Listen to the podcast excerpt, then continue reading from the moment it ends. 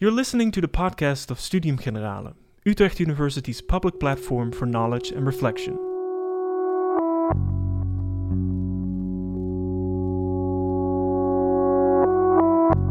Many people believe things are bad and will likely get worse. And who can blame them? We're in the middle of a pandemic, there is a global ecological crisis going on, and authoritarian leaders are on the rise all over the world. Philosopher Hanno Sauer explains why we're inclined to be pessimistic and why, despite all the bad news, we should be optimistic about the future.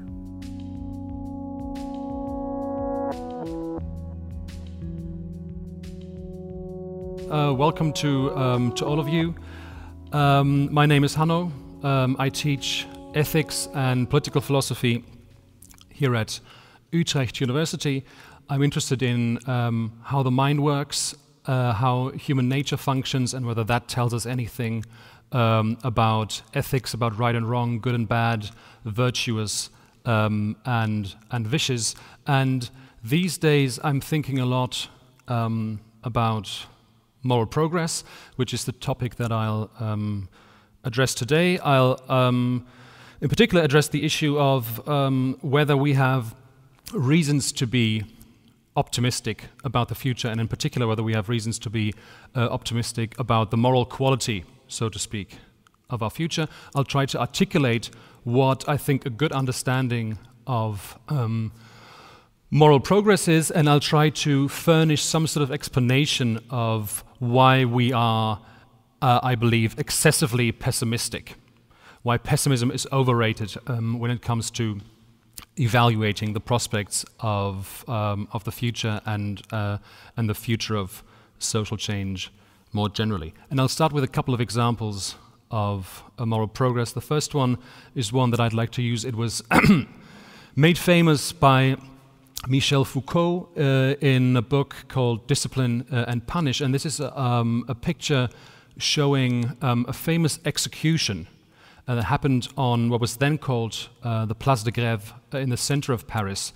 The unfortunate person that was um, executed that day um, was a man named Damien, and he was executed for um, attempted regicide. So he wasn't even successful at um, killing the king. And at the time, people were quite inventive when it came to um, the death penalty. So what they did was, the, well, the eventual plan was to have him drawn and quartered. But what they did first, they would take red hot pincers and tear off pieces of his flesh from the upper body. And then they would pour molten lead into the lesions and the lacerations that they created. And once they had tormented him enough, they thought, they brought in four horses and they tried to tear him apart. But the four horses, for some reason, they were maybe a bit starved, so they couldn't get the job done. So they brought in two extra horses. Uh, and the six horses couldn't get the d- job done either. And so while he was still alive, they had to, they had to basically hack off his arms uh, and legs so the horses could, um, could um, finish the execution. And this is um, a gruesome tale, of course. Uh, I think it was one of, the, one of the last executions by drawing and quartering that um, um, were done this way. And I'm just inviting you to imagine how, how inconceivable it would be, how, how ridiculous even, how unthinkable it would be uh, to imagine something like that happening, for instance, on um, the Dam Square in Amsterdam today. It just, it, just, it just couldn't possibly happen, and it's even laughable to entertain um, a thought like that. um, this is a picture of um, a Chinese woman with bound feet. Foot binding was around for pretty much exactly um, a millennium in China. And what people used to do is this was mainly reserved for, um, for higher status uh, girls and women. At a young age, people would very, very tightly bind the feet of these um, um poor girls so that when they uh, grew up, their feet would be um, permanently deformed.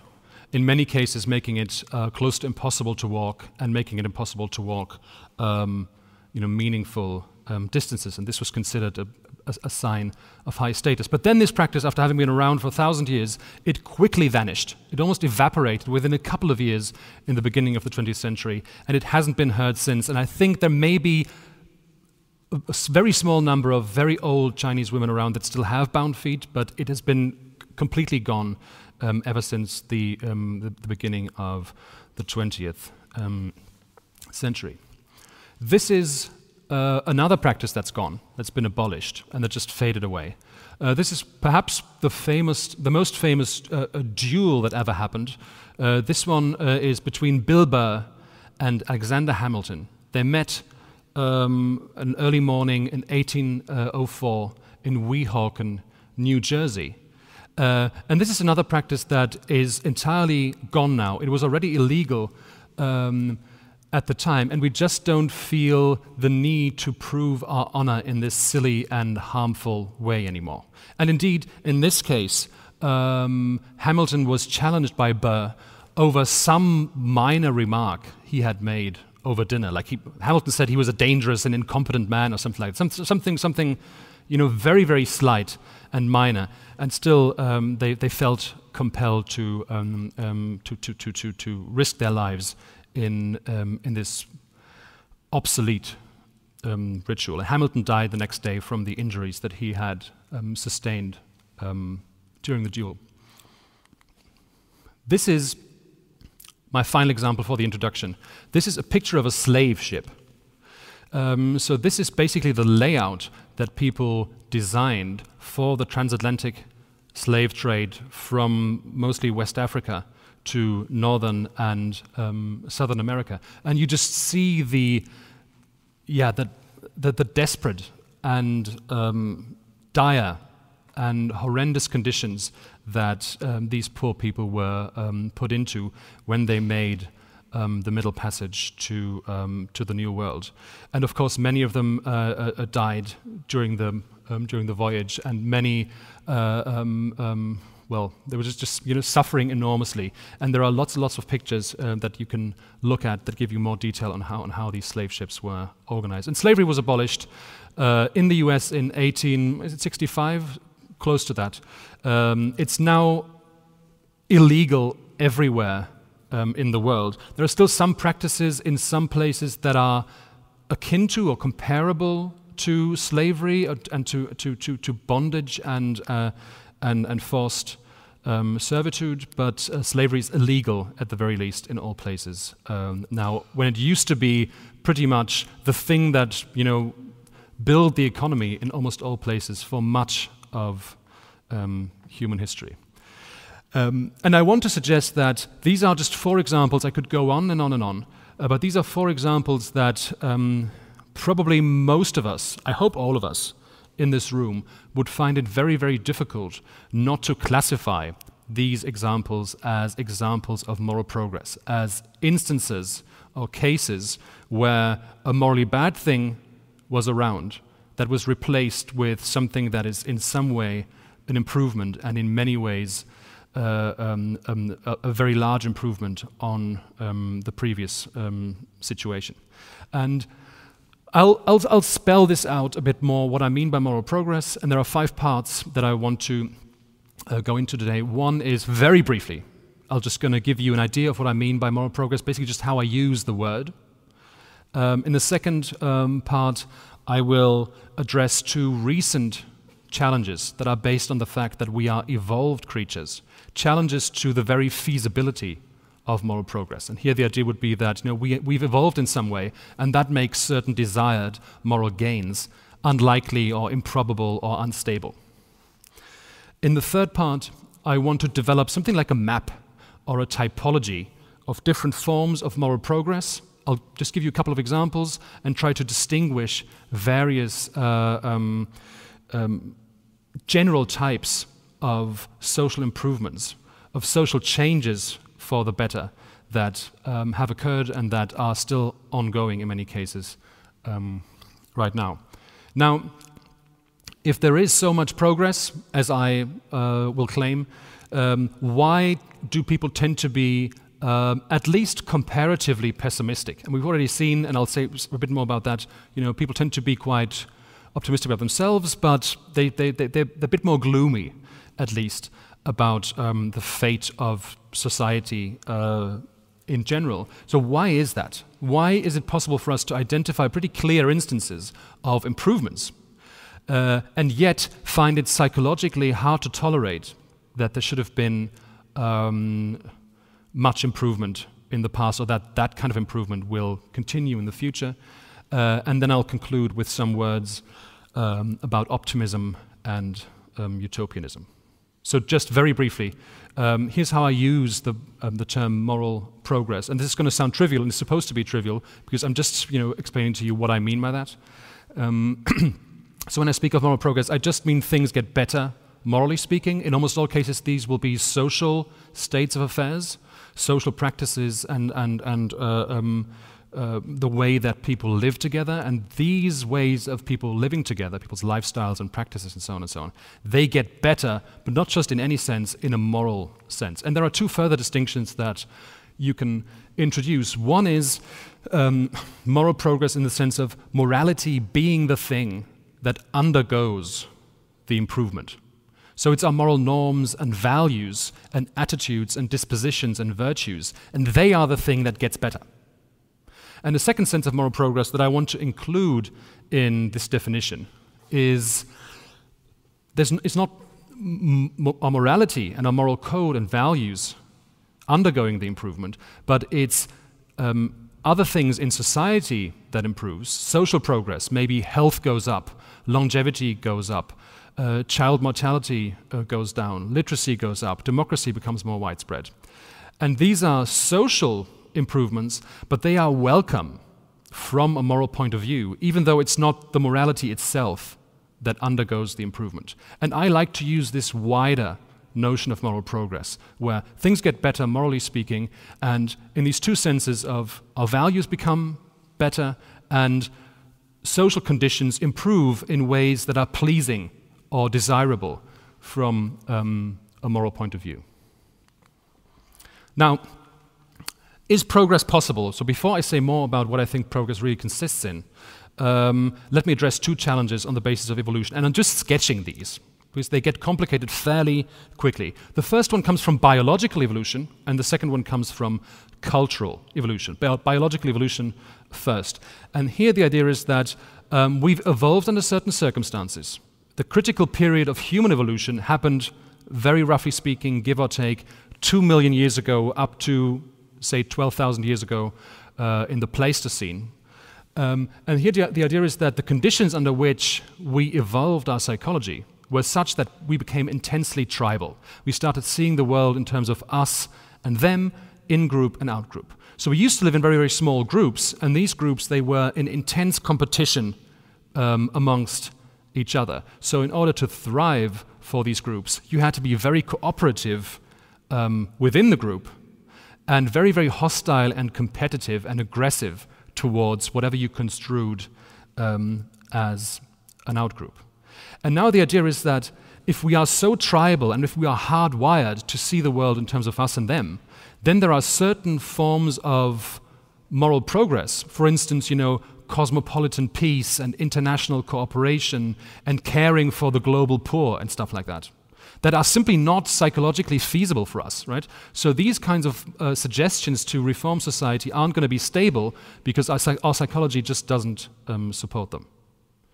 And the main reason I think um, that um, this is false is that moral progress primarily um, happens not in individual minds and psychologies, but in institutions. We just don't need to extend our empathy towards millions and billions of people in order to get certain forms of international cooperation going. We can rely on externalized social structures and institutions to make that happen. So you can think of international trade and peaceful commerce. You can think of democratic voting. You can think of large scale insurance policies. And all of these institutional structures, they allow us to cooperate, even if the psychology that we inherited isn't really made for that. We're kind of bypassing and tricking ourselves into uh, behaving nicely without actually changing the psychology that, um, um, that we inherited from our ancestors. So I think this challenge doesn't really um, go through in the end. Now, a second challenge is based not on biological evolution but on cultural evolution. And here the idea is that human life, look around you, depends very, very deeply on cumulative culture, on accumulated cultural capital, knowledge, skills, institutions, rituals, practices, and so on and so on, that were built by previous generation and that kind of form a reservoir of cultural heritage for us. And the thing about that is that this reservoir is often intransparent to us. We don't really know how things work and why things work the way they do. Sometimes you can go to you know, small scale societies, and these people have elaborate cooking rituals, for instance, right? They prepare manioc with 14 precise steps, or they detoxify nardoo with 15, you know, very, very intricate steps. And if you miss one of these, um, you'll get poisoned from the toxins in these, in these plants. But the people who prepare the food, they don't know why they do that, right? They, they've just inherited uh, that from, um, from cultural um, evolution. And if that's true about how society works as well, then progress becomes difficult to achieve because we don't really know how to design society, right? We don't understand how it works, and we see that we find it difficult to export certain institutions to other places where they, for some reason, don't work. Um, and so um, this is another um, ground, possible ground for um, skepticism about the possibility of moral progress. But I think this challenge also doesn't go through because cultural evolution is all about piecemeal improvements. It may be that progress is slow, but there is progress ongoing, and certainly cultural evolution has nothing to do with stagnation. And in fact, political conservatives who try to harness the force of these types of um, arguments in favor of conservative political positions, the kind of scenario that they want to return to, like, I don't know, a 50s lifestyle or something, to get to that from today would be precisely the kind of radical social engineering that, by their own lights, cultural evolution um, forbids. So I think this challenge also doesn't go through because cultural evolution uh, should make us, in fact, quite optimistic about um, the possibility of moral progress. So I think there are, just to get these two challenges out of the way in the beginning. Now I'll just, and I'll have to rush through this a bit because uh, I, I, don't have unlimited time. Let me check. Um, so um, we can we can bring that up in the in, in the Q and A uh, if you have questions about uh, about the distinctions that I'm um, that I'm about to make. Um, and I'll just I'll just start with um, with this typology that I have, uh, have in mind. So the first thing I'd like to note, note is that I, I, don't think that moral progress is this one thing. Moral progress, uh, there are different types of moral progress, and together these types or dimensions of um, social improvements uh, in, a, in, a, in, a, moral direction, together they shape the, the, the moral development of um, a society. And I'm going to start with um, the first example. In the literature, this is known as um, demoralization. And the slogan is that moral progress occurs when we demoralize things that, when we come to recognize um, that some things that we thought were morally important are actually morally neutral. And we just don't give, we don't, we don't assign any um, moral relevance to these things anymore. So, a slogan would be we, we get rid of bad norms that we don't need by demoralizing them. Perhaps my favorite example comes from the history of film. That's the toilet on the left. Um, this is the toilet where um, Janet Leigh flushes down the money in Psycho. Uh, and actually, what scandalized people at the time when Psycho came out is not the, uh, the, the, not the shower scene.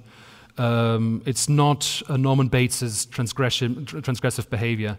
It's, it's actually the fact that this was the first mainstream film that would show a toilet on screen.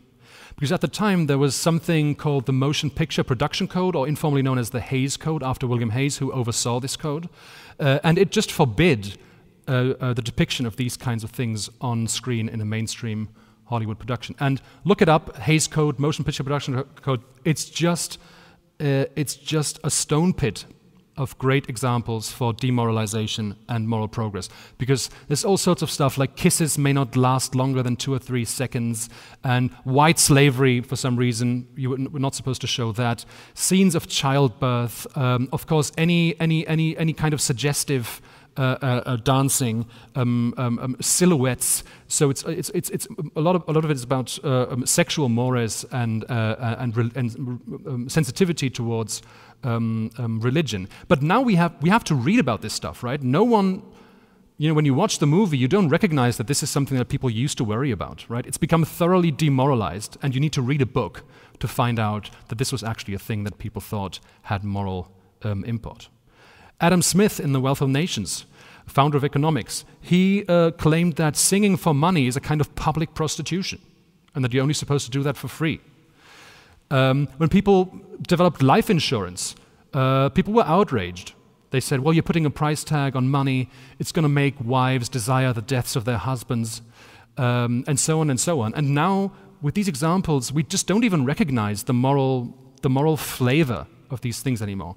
And as we shouldn't, because, you know, singing for money is just fine, and showing toilets on screen is just fine, and taking out life insurance is, is just fine. So these things have, been, have become properly demoralized and morally neutralized. The converse thing is moralization, which, which happens when um, there is a practice that we used to think of as morally neutral, but have since then come to recognize as something that actually is morally salient.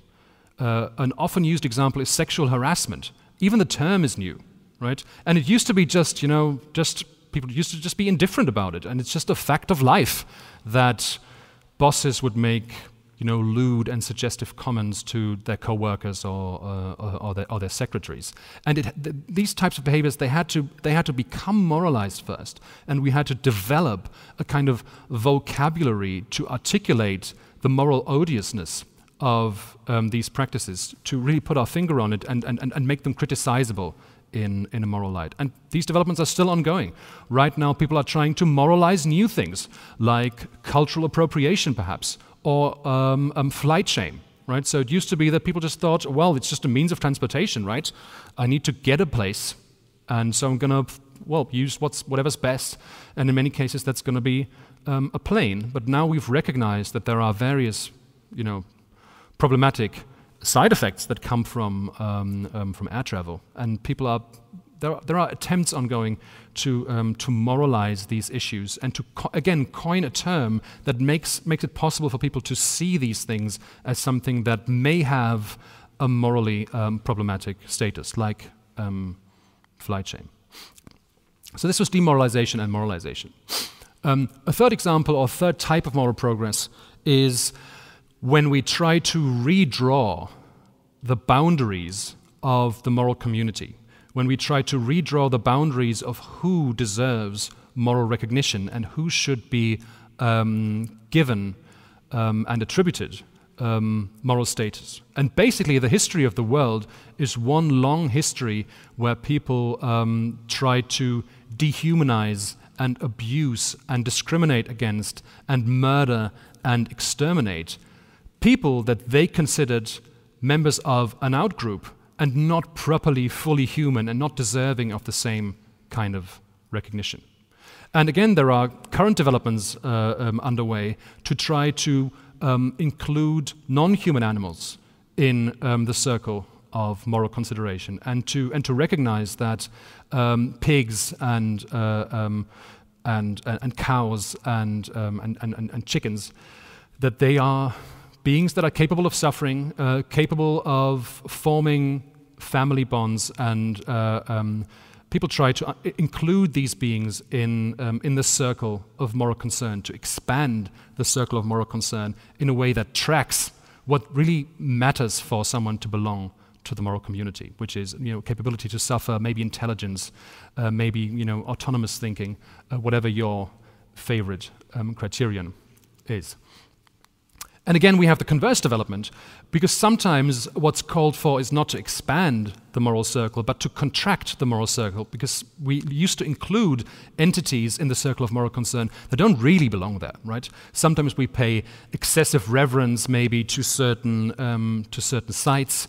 Um, famous example um, comes from animal trials, which are not just an urban legend, they used to happen more or less regularly, and people would put pigs and donkeys, usually domestic animals, um, on trial, and then there would be, you know, a court and people speaking on behalf of the animal that maybe harmed the owner or, or, or destroyed the property um, of the owner. And we now recognize that, well, animals may be moral patients, right? They deserve our protection, and we shouldn't subject them to cruelty and, and, and gratuitous pain. But they're not moral agents in this sense, like they could, you know, understand what they're supposed to do and then adjust their behavior um, in light of that.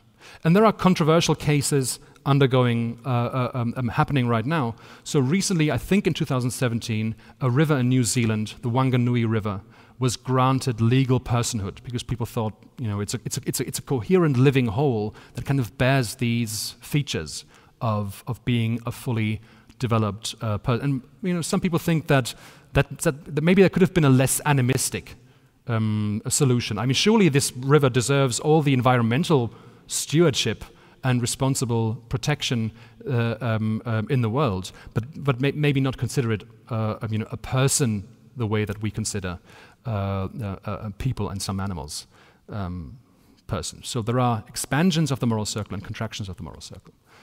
Um, this is an important one, um, and this has been uh, always um, a very hot and, um, and, and important topic is not just material, but also social equality.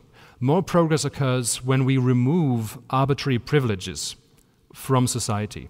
Maybe not all privileges, but, all, but the arbitrary, the morally irrelevant um, privileges that are based on which family you're born in, what the color of your skin is, what your gender is, and so on, and so on, and so on. And you see that, you know, currently the Black Lives Matter movement is fighting for um, the completion of um, um, this process where um, um, minorities, black people in the US uh, especially, are granted full equality before the law and are given the same kinds of opportunities that, uh, for instance, white people, you know, just take for granted and enjoy as a as, as, a normal thing. And of course, we've se- we've we've seen that with the abolition of legal privileges such as um, the distinction between an aristocracy and, and a class of peasants or caste systems in various places in the world that people keep fighting for um, um, or keep fighting against um, being put into um, social categories that don't allow any mobility and that are just uh, um, seen as natural and, and immovable and that inflict conditions of disadvantage and hardship on one group uh, and privilege um, another.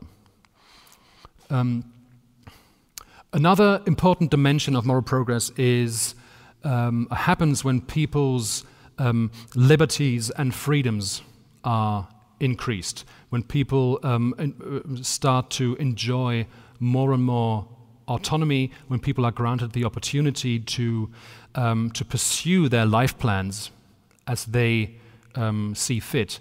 And for the vast majority of human history, um, that was not something that people were, that, that the vast majority of people um, was able to do who were, you know, peasants, slaves, um, had to live in, in, in bondage, had to kick up to some feudal um, um, warlord, and many, many social movements have fought for the removal of these barriers to their freedoms so that individual people can make the best of their lives. Now, of course, this process, like all of the pro- processes that I've, I've been talking about, is very much imperfect and not fully realized, but you see that there is a dynamic in many societies where once you start uh, um, removing the worst types of economic insecurity, people start demanding uh, um, freedoms. Um, and they start to demand that they can uh, m- maybe choose their occupation, that they can choose the place uh, where they live, that they can open um, um, um a business, that they can participate in, uh, in their national politics, and so on um, and so on. And, and this is the final dimension of moral progress, we don't just want to um, make all these noble sounding improvements. But in the end, it often comes down to just making people better off, just, just, just resh- reshifting the balance of, of, of, pleasant over unpleasant uh, um, um, events and experiences in, uh, in people's lives. And you see that, again, this is another very much imperfect development, but you see that there are various trends in, um, in society uh, that have just improved people's well-being by improving their health, by improving their um, their, their, security, um, and so on and so on. For the longest time, people thought there was there were kind of uh, um, you know certain limits to how much uh, happiness you can achieve. I mean, and there are limits. Uh, but what we see is, and this is the graph uh, on the right, um, that overall um, um, social development uh, and indeed economic development tends to be a thing that um, um, that makes people happier and that increases their um, life satisfaction. So these were just examples, right? There were no real arguments so far. Uh, I'm just giving you a sense of, or to try to call to your attention uh, various types of moral progress that I think we recognize and that we intuitively understand that there may be um, something interesting going on and there may be actual improvements to our moral values, norms, and our moral um, code. And if these examples mean anything, uh, the question remains why do we see this effect that we saw uh, in the beginning that we still, and myself included, we still tend to be kind of on a gut level tend to be quite um, pessimistic about the prospects of social development and improvement um, of, um, of our lives and, um, and the moral quality um, um, of society. And I'll try to, this is, this, this is not an exhaustive list, but I think these are uh, some important aspects that explain why we are more pessimistic than I think is warranted by the actual evidence and data. So the first uh, uh, concept that I'd like to mention is uh, it's an ugly term, uh, but it's simple enough to understand. It's prevalence-induced concept change. What this means is that the fewer blue things are around, the more likely you are to classify things as blue, right? So when the prevalence of something goes down, you are more uh, prepared to classify something or to put something into a certain um, category. And that can happen with, um, um, with moral concepts as well, right? So the better society becomes, the keener and the more merciless and the stricter our moral standards become, such that society may improve quite meaningfully, but our moral standards acceler accelerate even more, such that from the perspective of our moral standards, it looks like society is actually getting worse. But that's just a perspectival um, phenomenon that has to do with the increased um, um, fine grainedness of our moral concepts and, and, and, and our moral um, sensibility. Uh, and, and very much a related concept is concept creep. There's a vertical type of concept creep and a horizontal type of concept creep, which is just that you expand the meaning of um, a concept vertically to include less severe instances of something, racism or sexism, for instance, um, and horizontally, um, you classify some things that you used to not see as racist and sexist as um, to, to, you start including that in this category. Uh, and I don't want to say that this is a bad thing, right? I'm not um, jumping on this, you know, we are hypersensitive snowflakes kind of uh, a point. We want our moral standards to become stricter, right? We want our moral values to become less lenient. We don't want to become more tolerant of suffering and abuse, right? We want to become less tolerant of it, and we adjust our concepts um, in this direction. The problem just occurs that uh, when we, because our concepts improve in this desirable direction, when we start thinking that society, falsely, that society is objectively getting worse, right? That's just the thing that I'm trying to caution you against. It's, it's a good thing when we, when we uh, become uh, less tolerant of morally objectionable, uh, objectionable behavior. Uh, but we shouldn't conclude from that that society is actually getting worse when you look at, at it you know, objectively. Um, another thing that can happen is that we observe a trend and we think it's going to go on like that, right? P perhaps the most famous example is uh, the Malthusian trap. Uh, at the time, so this was in the late uh, um, 1700s, uh, Thomas Malthus uh, wrote this, his essay on um, population, and he thought, well, it's just a no-brainer, right? Um, the economy grows in a linear fashion, but the population grows exponentially. So there's going to come a point where these two lines intersect and people are going to starve, right? Because we are, we are overburdening the economic carrying capacity um, of um, the nation, for instance. And it just turned out that he was completely wrong, right? Under the right conditions, um, I mean, this, this can happen, right? But um, still, it's, it's unwarranted to project this trend naively into the future because we've seen that in developed um, countries, it's the opposite. Uh, economic growth um, starts to become exponential, and population growth starts to become linear and level off and even um, even drop down um, at a certain point. So that this kind of catastrophe that's been repeatedly um, announced, even in the second half of the 20th century by uh, Paul Ehrlich and other people, this catastrophe um, doesn't um, have to happen at least. Another phenomenon that, that, that, that um, boosts our nostalgia and biases our assessment of the past and thereby um, our assessment of the prospects of the future is a thing called reminiscence bump. This is basically kind of memory bug, which means that we don't remember everything in our lives equally, right? Some phases we remember more vividly, and we have more memories of that phase. And for psychological reasons, for the vast majority of people, that phase that we remember best happens to be the phase that we think is best, right?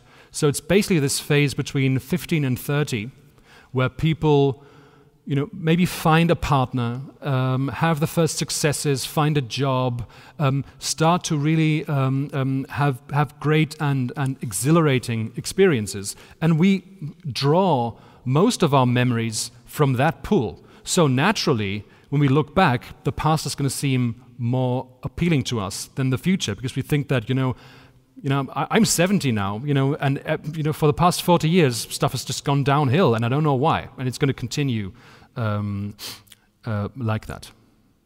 This is uh, um, um, a graph um, illustrating the phenomenon that we saw in the beginning, which is the divergence between individual optimism and social optimism. If you want to see any you know, of these graphs in more detail, if you want you know, to, to, know, to know where, where um, these arguments or, or, data come from, just write me an email and I'll, I'll give you um, um, uh, the source. And you see that on the left, so basically the red, the red line is how, people, how, how likely people think that uh, it is that society is going to get worse.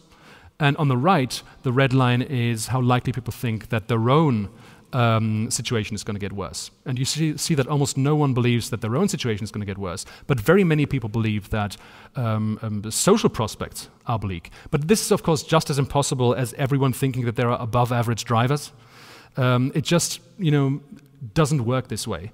Uh, and this is another interesting phenomenon um, that explains um, this divergence between individual um, optimism and, um, and social pessimism. Or it, it, doesn't explain it, it just, it, it just diagnoses it and, uh, and, quantifies it. Um, and here are um, two final examples that I want to give for, for why we tend to be overly pessimistic about the prospects of the, of the future sometimes. which is when you have certain progressive gains, in many cases, and there's no reason to deny that, in many cases, there may be a net benefit for most people, there may be a net benefit for society, but there are still going to be some people who stand to lose from a certain type of development. And I say winners and losers here, I don't mean in, in, a, in, a, derogatory sense. I just mean people who benefit from something and people who, who are harmed by um, a certain development. So it may be that global, and I, I, think it was, it may be that globalization is basically a great thing for, um, um, for a lot of people, and that this is a, a, a trend that we have good reason to, um, um, to continue. But of course, it may be that domestic workers in the Rust Belt for instance, that they don't benefit from this when their jobs are being outsourced, right? I mean, some people benefit, but there are still identifiable groups that stand to lose from certain um, certain uh, progressive gains. And in general, the gains and the benefits they tend to be more widely spread out across society in general, and the losses they tend to apply to an identifiable group, for instance, Dutch farmers or something like that, that can form a coalition and, and make their voice heard, which creates the impression that um, there are all these people who lose from something uh, just because the people who, who, who gain from it are, are, aren't like a, co- a, cohesive, identifiable group that would, that would uh, participate in political campaigning, campaigning as a group um, like that. And finally, of course, there are not just some gr- groups that benefit and some uh, groups that don't benefit from, uh, from various social developments. There are also trade offs between different values that we realize in, um, um, when, when, when social change for um, the better happens. So sometimes society improves along one dimension and, um, and declines and deteriorates um, along a different dimension, right? So you can think of community relations, for instance. You know, when people have more freedom of choice, when they can choose their partner, when they can choose their um, occupation, when they can choose their identity, when they can choose where to live, when they can choose uh, which gender to identify with. Um, that's all great. Uh, but again, there's no need to deny that there may be costs to that. For instance, you lose a source of values, you lose certain social bonds, you may uh, find that there is um, a, a, decrease in social trust and, uh, and, and, and social capital that is supplied by these community relations that you have um, eroded by giving people more freedom of choice. I tend to think that these arguments are exaggerated uh, and that people kind of just forget the oppressive and suffocating aspects of these communities that they used to be in. So I tend to think that in general, there's, there's more, there's more, more, more, more um, well, the, the cost benefit calculation works out, so there's a, there's a larger benefit than the cost. But again, there's no, there's no need to deny for people who think that there has been progress that some developments have a cost to some groups of people and to some values that we also um, think are, um, are uh, worth cherishing. Um, so, what I think moral progress comes down to, just to summarize, is um, we replace bad norms with good norms. That's the um, distinction between demoralization and moralization. We attempt to properly draw the boundaries of the moral community, sometimes expanding the circle of moral concern, sometimes contracting the circle of moral concern. We want to promote equality, um, increase material, economic, socioeconomic um, equality, but also remove arbitrary differences in um, social status and, um, and social um, position and prestige. Um, we want to increase and promote people's liberty, their freedoms, um, their opportunities, their autonomy, their independence, and, um, uh, and, the, and, and, and, remove oppressive regimes that constrict uh, people, that, that prevent people from acting the way that they want to act.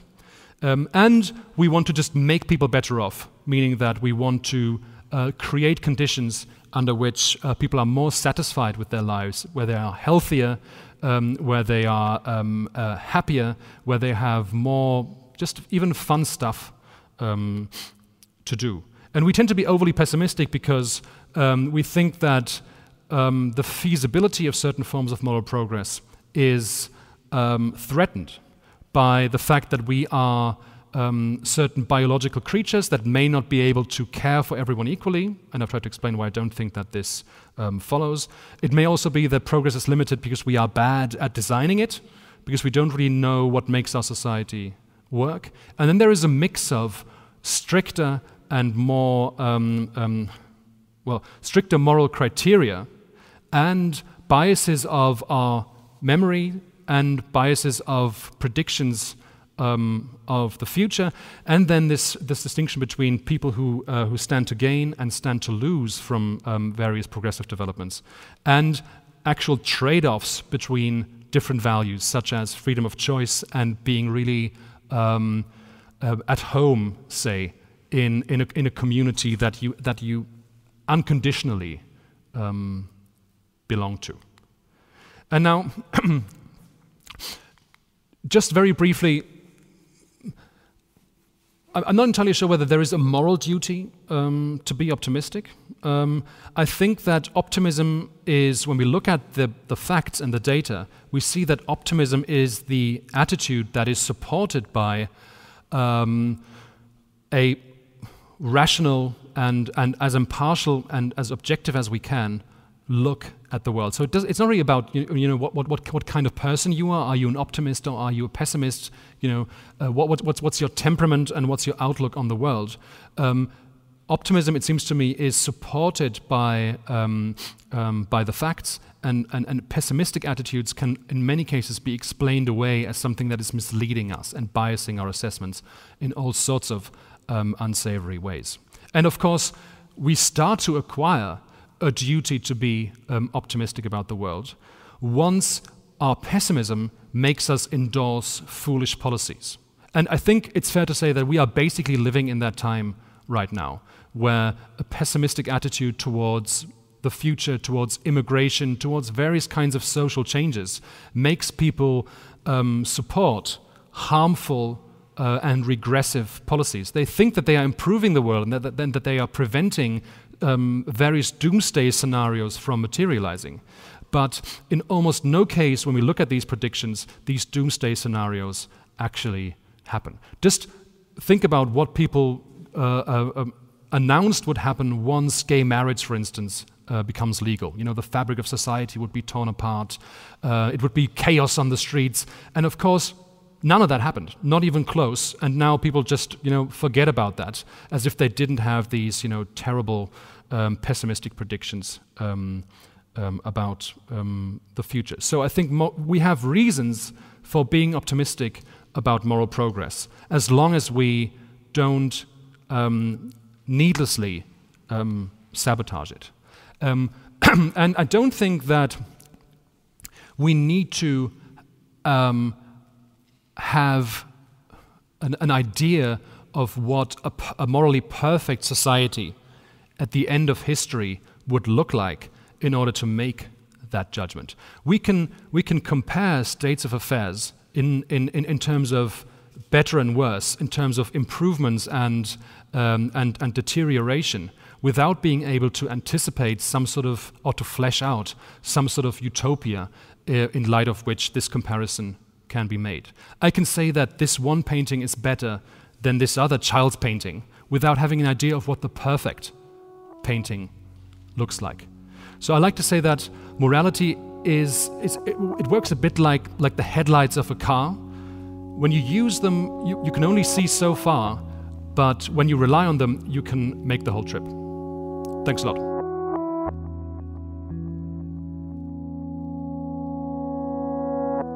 Je luisterde naar een podcast van Studium Generale. Benieuwd naar meer afleveringen? Ga naar sg.uu.nl/podcast of abonneer je op je favoriete platform.